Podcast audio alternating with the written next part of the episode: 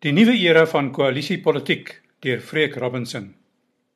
Toe ek 'n tyd lank in Londen gewerk het, het ek dikwels sommer vir die pret in die laerhuis van die Britse Parlement, die Commons, gaan sit en luister na die debatte. Ek het my telkens verwonder oor van die 650 lede se ongepoetste gedrag. Selfs as dit vraatyd vir die eerste minister is, sal lede nogtans onderling gesels, tussenwerpsel skreeu of opspring uit hulle banke om seker te maak dat die spreker hulle sien en 'n kans gee om iets te sê of te vra. Suid-Afrika se grondwet is deels gebaseer op die Westminster stelsel van Brittanje. Die hele land is opgedeel in kiesafdelings waar verskillende politieke partye elke 5 jaar in 'n verkiesingsstryd gewikkel is om te wen. Die kandidaat wat die meeste stemme kry, met ander woorde 50% plus 1, verteenwoordig dan die kiesafdeling en al sy kiesers in die parlement. Uit die korps van nuutverkose kandidaate van die wenparty word die eerste minister gekies en wys hy of sy die kabinet aan. Die kiesers van die politieke party wat 49% van die stemme getrek het, se kruisies beteken dus eintlik niks nie. Behalwe dat lede van die verloorparty wat wel die meerderheid stemme gekry het in sy of haar kiesafdeling posisies kan inneem op die oppositiebanke van die parlement.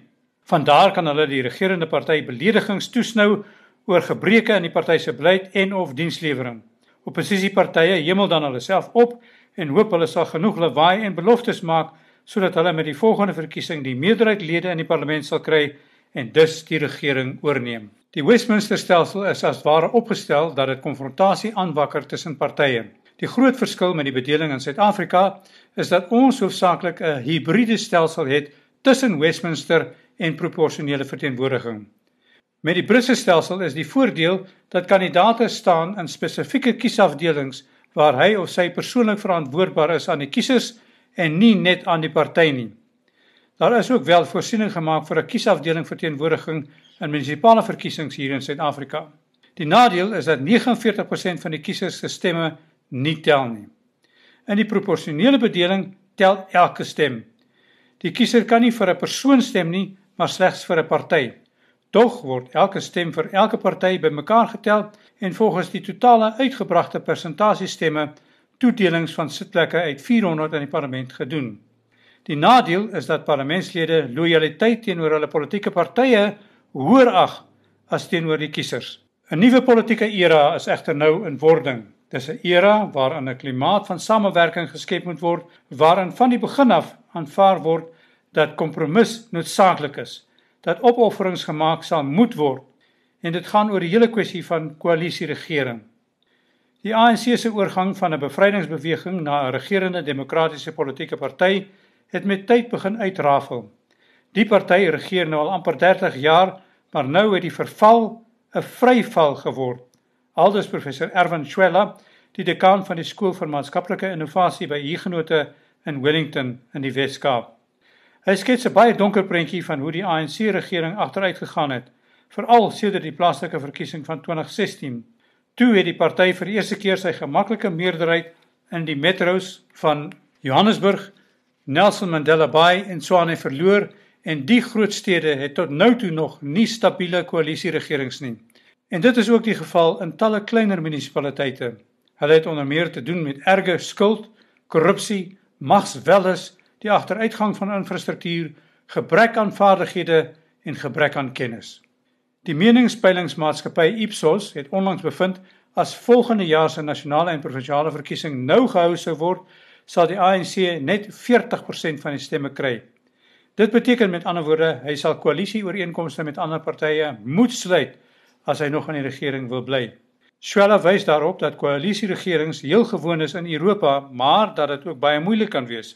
Onlangs het die eerste minister van Nederland, Mark Rutte, bedank omdat die vier partye in die koalisie na 18 maande nie ooreen kon kom oor 'n migrasiebeleid nie. Die volgende punte is onder meer wat ter sake is in onderhandelinge oor koalisieregerings. Ideologiese verskille moet nie te groot wees nie. Dis moeilik om sukses te behaal waar een party dominant is en reeds lank regeer en swak en gefragmenteerde oppositiepartye Tot dusver se beperkte ervaring van koalisieregerings op plaaslike vlak was chaoties. Dit gebeur meermale dat die groter partye, die ANC, DA en EFF, met die hulp van kleiner partye 'n meerderheid moet bewimpel. Maar hulle moet dan ook van hulle magsposisies afgee, soos die burgemeesterskap en dit gaan dan aan kleiner partye. Dit het na verskeie verkiesings binne die raadsaal van Johannesburg gebeur dat die ANC met die hulp van kleiner partye regeer, maar nou beklee 'n party wat net 1% van die stemme in die munisipale verkiesing kon kry, die pos van burgemeester. Om so 'n vervringing van die demokrasie te beperk, het Duitsland byvoorbeeld 'n drempel gestel dat net partye wat meer as 5% van die stemme trek, sitting in die Bundestag kan kry. Die ANC en die DA steun die bepaling van 'n drempel om groter stabiliteit te bewerkstellig. Die kleiner partye verwerp dit. 'n Ander tersvy is hoe voorsiening gemaak moet word vir onafhanklike kandidaate. Professor Swela se skool het al 'n meestersklasprogram in Kiel. Professor Swela se skool het al 'n meestersklasprogram in koalisieregeringsleierskap ontwikkel. Dit sal op 5 tot 6 Desember opgevolg word. Dit sal op 5 tot 6 Desember opgevolg word met 'n groot konferensie om perspektief en oplossings te bespreek vir suksesvolle koalisieregering. Die DA se ambisie om 'n droompak van oppositiepartye saam te stel, neem vorm aan. Op 16 en 17 Augustus sal ses partye in Kempton Park byeenkom om oor hierdie inisiatief te praat. Volgens die hoofsweep van die Vryheidsfront Plus, Corneille Mulder, sal verskillende burgerlike instansies ook betrokke wees. Professor Willem Gumede van Witse Skool vir Staatsbestuur sal as voorsitter optree. Nie die ANC of die EFF sal daar wees nie. Gegee die gebrek aan ervaring om te verseker dat koalisies volhoubaar en suksesvol regeer, stel Swelle voor dat 'n permanente instansie ingestel moet word wat deurgangs die prestasie van koalisies monitor en kan ingryp om geskille te help hanteer. Hoe die sake ook al uitspeel is een ding seker. Suid-Afrika betree 'n baie moeilike fase in sy demokratiese ontwikkeling. Dit sal 'n heel ander benadering vereis in 'n gees van samewerking, verdraagsaamheid, respek, begrip en integriteit. Die konfrontasiemodel van die Westminster stelsel kan nie hier deug nie. Die EFF se uittartende volgehoue strategie om demokratiese instellings te ontwrig ook nie. Wat elke burger in hierdie land wil hê, is 'n regering wat werk of dit nou 'n koalisie is of nie en 'n regering wat omgee. Die kans is nou daar om so 'n nuwe fondament te lê.